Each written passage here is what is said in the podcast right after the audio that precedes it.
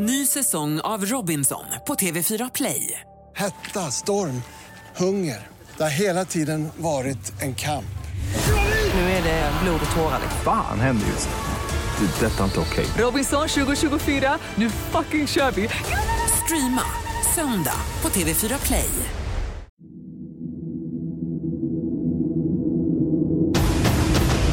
Gav ändå ett eh, relativt bra intryck. Man hade eh, samtidigt svårt att förstå hur han skulle kunna agera på det här sättet och så otroligt brutalt som han agerade. I synnerhet emot Kajsa.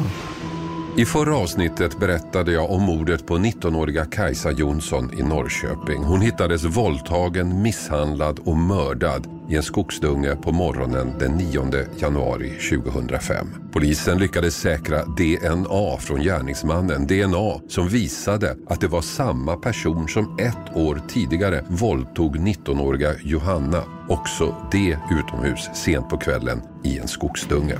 Jag heter Hasse Aro. Välkomna till min podd Fallen jag aldrig glömmer.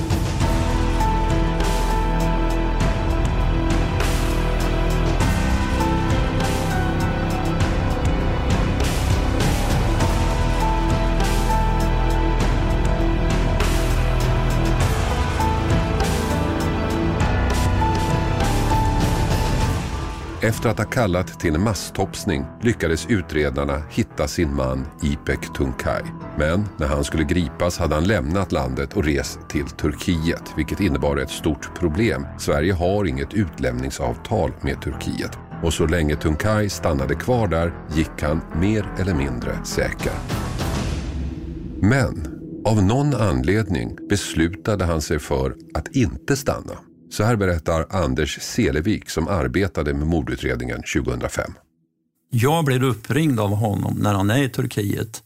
Då vill han fiska lite på vad vi har emot honom och lite sånt. Eh, det får han inget besked om av mig, men eh, han får besked om att vi vill prata med honom igen i alla fall. Och eh, minnesbilden är att han vid samtalet också säger att han tänker och återvända till Sverige. Trodde du på det? Nej, jag var nog lite tveksam till det. Eh, men eh, hur det än blev så eh, återvände han och kom till Tyskland där han blev gripen av tysk polis i början på mars. För att det fanns en internationell efterlysning på Jamen, så var det. Så det såg man i Tyskland ja. där? Och sedan fick vi till en utlämning ifrån Tyskland till Sverige för att han skulle kunna lagföras. För polisen fanns inga tvivel. Ipek Tunkay var skyldig. Skyldig till att ha mördat Kajsa Jonsson den 8 januari 2005. Skyldig till att ha våldtagit Johanna ett år tidigare. DNA-analysen talade sitt tydliga språk. Men Tunkay nekade, trots DNA. Han sa att han var oskyldig. Så då kom han tillbaka till Sverige och då började ni förhöra honom. Ehm, för er, för er del var ju ärendet avgjort. Ni hade ju en DNA-träff och ni hade ingen anledning att betvivla att ni hade rätt person. Vad sa han i förhören? Han förnekade ju brott i eh, förhör. Han hördes första gången eh, och delgavs misstankar den 19 mars och lämnade ju en förklaring om att han hade jobbat och han hade åkt runt med bilen. Han hade varit och kissat på något ställe i närheten av, inte riktigt Himmelstalund tror jag han sa i första förhöret, men någonstans i närheten. Och han har haft problem med bilen. Tidningarna var lite försenade, men eh, ingenting eh, att han hade sett någon tjej eller skjutsat någon tjej eller någonting sådant. Och det här var ju någonting som han eh, höll fast vid under en längre tid, att han eh, inte hade gjort något. När ni då förhör en person som honom i det här fallet, då, när, när han är misstänkt för två brott, mm.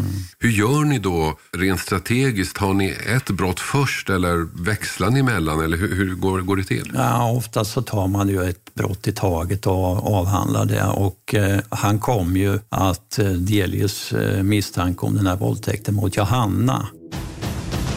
Men allt eftersom förhören fortsatte blev pressen på Tunkay större och så småningom kom det första erkännandet. Vilket ju han då tillstod mm. att han hade eh, haft eh, ett sexuellt umgänge med henne mot hennes vilja. Mm. Så det erkände han? Det erkände han, ja. Men mordet på Kajsa erkände han inte. Nej, det gjorde han inte. Men han vidhöll sin inställning om Kajsa Jonsson. Henne hade han aldrig träffat. Att hans DNA fanns på henne sa han sig helt enkelt inte tro på. Men det var naturligtvis en version som inte höll. En domstol skulle inte tro på det. Och av någon anledning började Tunkay inse detta. Kanske förstod han det själv, kanske var det hans advokat som fick honom att inse att han på något sätt måste förklara hur hans DNA kunde finnas på Kajsa. Oavsett vilken anledningen var ändrade han plötsligt sin historia och kom med en ny version. Det gick lång tid och många förhör innan han slutligen medgav att han hade träffat Kajsa och att de hade haft ett sexuellt umgänge men som enligt honom då var helt frivilligt. Mm. Så, så enligt den versionen så skulle han alltså ha träffat Kajsa, de skulle ha haft sex frivilligt, han skulle ha lämnat henne någonstans och så skulle någon annan ha kommit och dykt ja, upp. Ja, det var väl ungefär det. Han eh, pratade om att han hade träffat på henne i Norra promenaden och sedan så hade hon varit väldigt eh, på och driven och eh, pussat på honom och det hade slutat med att de hade haft eh, sexuellt umgänge. Och sedan så hade han släppt av henne på ungefär samma ställe där han hade hämtat upp henne. Det var väl den initiala berättelsen. Vad tror du låg bakom det här medgivandet? Att från att ha förnekat att överhuvudtaget eh, träffat henne till att han ändå medgav att han hade träffat henne och att de hade haft sex. Var det för att förklara DNA? Ja, det var det. För att det är klart att han hade fått vid många förhör här att han måste förklara hur det kan komma sig att hans DNA hittas på Kajsa. Och eh, som jag sa tidigare så tror jag att han initialt kanske inte riktigt förstod vad ett DNA egentligen innebar. Och det här blev den version Ipek Tunkay kom att hålla fast vid under rättegången. Både i tingsrätten och i hovrätten sa han samma sak. Ja, han hade våldtagit Johanna. Ja, han hade träffat Kajsa och haft sex med henne, men det var frivilligt och när han lämnade henne var hon vid liv. Ingen av domstolarna trodde på honom, förstås. Han dömdes till livstid. Domen vann lagakraft 2006. Sju år senare träffade jag Ipek Tunkay på det fängelse där han satt. Det blev ett märkligt möte. Där satt han, mannen som förstört livet för så många människor, mannen som våldtagit Johanna, mannen som mördat Kajsa Jonsson, även om man fortfarande nekade till just det. Där satt han och tyckte synd om sig själv. Så här sa han om Johanna och våldtäkten. Det är den värsta katastrof jag varit med om i hela mitt liv.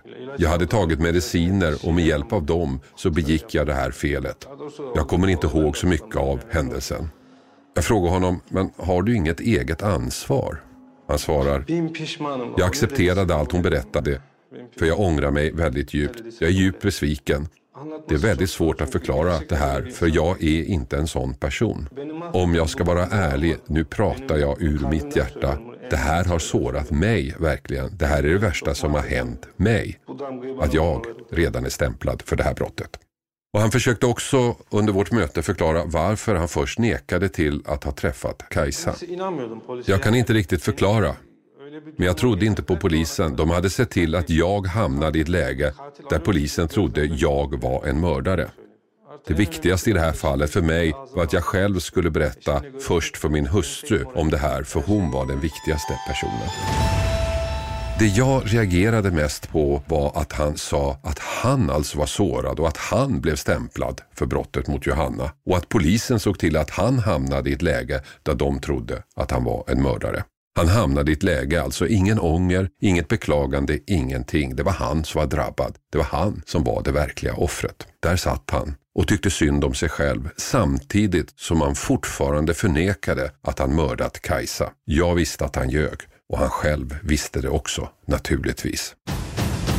Två år efter vårt möte hände emellertid någonting. Ipek Tunkay bad plötsligt att få träffa polisen. Han hade något att berätta och det blev Anders Selevik som åkte till fängelset för att höra vad han hade att säga. Man ringde ju då ifrån anstalten och talade om att Ipek eh, ville eh, träffa oss som hade jobbat med utredningen. Eh, vilket hade följt att jag och kollegan Thomas Månsson fick åka upp till den anstalt där han då avtjänade sitt straff. Och eh, IPEC ville då erkänna mordet på Kajsa. Och eh, det fanns ju ingen pågående förundersökning då. Den var avklarad och han var dömd även i hovrätten för mordet. Men eh, vi tog upp det här förhöret på ljudband och vi skrev också ut en sammanfattning sen som vi skickade både till åklagaren och advokaten och registrerade registrerade in handling hos oss. De finns arkiverade. I det här förhöret då så erkände han att han hade, han hade träffat Kajsa och eh, han förnekade fortfarande att det skulle ha varit någon våldtäkt men han erkände mordet och menade ju på att det hade uppstått en osämja efter att de hade haft ett sexuellt umgänge. Och i princip så eh, hade det uppstått en osämja. Han hade delat ut något slag efter att hon hade slagit på henne så hon hade blött och han var rädd, menade han på, att eh, Kajsa skulle gå till polisen. Han försökte förmå henne att säga att du inte ska gå till polisen och lite sånt. Och Kajsa skulle ha stigit ur bilen och då springandes, skrikandes på hjälp sprungit därifrån. Och då hade han då jagat ikapp henne och eh, dragit in henne i det här området och sen tagit livet av henne. Frågan är, varför väljer Ipek Tunkai att erkänna mordet just då? Hade han plötsligt fått samvetskval? Eller kunde det ha något att göra med det faktum att han planerade att ansöka om att få sin livstidsdom ändrad till ett tidsbestämt straff? I det här skedet, det här var alltså 2015, så hade han avtjänat i stort sett tio år. Och eh, det är klart att vi hade en tanke om det här erkännandet nu var någonting som eh, han ville göra för att framgent kunna ansöka om ett tidsbegränsat straff. Så att det låg mera taktik än samvete bakom? Det är möjligt. Samtidigt så eh, när vi träffade honom så var han ju ångerfull över vad han hade gjort. Och han förskönade inte på något sätt sitt agerande utan den berättelse han lämnade var väldigt eh, brutal egentligen. Så att det är lite svårt att veta. Det kan också vara så att han var ångerfull. Ipek Tunkai har efter erkännandet ansökt om tidsbestämt straff flera gånger och fått nej varje gång. Den här historien är oerhört tragisk och som jag sa, den har berört mig väldigt djupt. Jag har vid flera tillfällen träffat Kajsas mamma Ingrid. Hon har varit med om det värsta en människa kan vara med om, att få sitt barn mördat. Men det slutade inte där. När domen kom, när mördaren fick sitt straff, började nästa mardröm och den här gången var det staten som svek henne. Den stat vars yttersta uppgift är att skydda sina medborgare visade nu sin mest cyniska sida och det handlade om pengar, om skadeståndet som aldrig betalades ut. Och det här gjorde mig rent ut sagt förbannad, så arg att jag skrev en debattartikel om det. Så här skrev jag. Förutom livstidsstraffet blev också mördaren skyldig att betala ett skadestånd till Kajsas mamma Ingrid. 175 869 kronor. Ett i sammanhanget stort belopp, högre än praxis. Även Kajsas tre kvarvarande systrar fick skadestånd. Summan kom rätten fram till efter ganska pressande förhör där Ingrid fick försöka redogöra för sitt lidande. Hon upplevde just den här delen av rättegången som särskilt svår. Ordförande fick bryta flera gånger för att hon och döttrarna helt enkelt inte orkade. Men mördaren hade förstås inga pengar. Och nu börjar mardrömmen på nytt för Ingrid. Det är nu som staten visar upp sin cynism och okänslighet i sin formella prakt. Det är nu Brottsoffermyndigheten kommer in i bilden. Smaka på ordet, en myndighet för offer vars arbete går ut på att citat främja alla brottsoffers rättigheter och uppmärksamma deras behov och intressen. Slut citat. Det låter bra. En av staten erbjuden axel att luta sig mot. En trygg institution att ta hjälp av när allt annat rämnat. Tyvärr är det inte så. Deras egna uttalande är inget annat än nyspråk av Orwellska mått. För istället för en varm famn möttes Ingrid av isande byråkratisk kyla. Hennes krav ifrågasattes. Hennes lidande vägdes och mättes och befanns inte stort nog. Skadeståndet skrevs ner till en knapp fjärdedel, 39 900 kronor och Kajsas systrar fick ingenting. Det här låter fullständigt absurt, men så här går det till. Samma stat som i en domstol värderar lidande till ett belopp gör i en annan instans en helt ny och lägre bedömning. Hela den här processen tog tre år av förlängt lidande för Kajsas mamma. Tre år som krossade den eventuella tilltro hon fortfarande hade till rättsväsendet efter att hennes dotter mördats. Så skrev jag i den här artikeln och många jurister var på mig efter debattartikeln eftersom man menade att jag blandade ihop skadestånd och ersättning. Brottsoffermyndigheten betalar inga skadestånd och det är inte heller statens ansvar att säkra skadestånden för det är inte staten som har begått brottet och bla bla bla bla. I Norge går staten in och betalar ut skadeståndet till ett brottsoffer om förövaren inte har pengar. Sen kräver staten tillbaka pengarna av förövaren. Det blir alltså en sak mellan dem. Brottsoffret får sitt skadestånd och kan gå vidare. Om de har löst det i Norge kanske det kunde vara möjligt för oss också. Klippning och inspelningsansvarig David Dabba Persson och exekutiv producent Mattias Arvidsson. Ljudinslagen i avsnittet kommer från Efterlyst i TV3.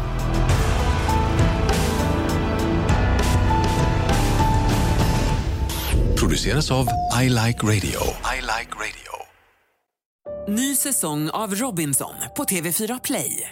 Hetta, storm, hunger. Det har hela tiden varit en kamp. Nu är det blod och tårar. Fan händer just nu. Det. är Detta är inte okej. Robinson 2024, nu fucking kör vi! Streama söndag på TV4 Play.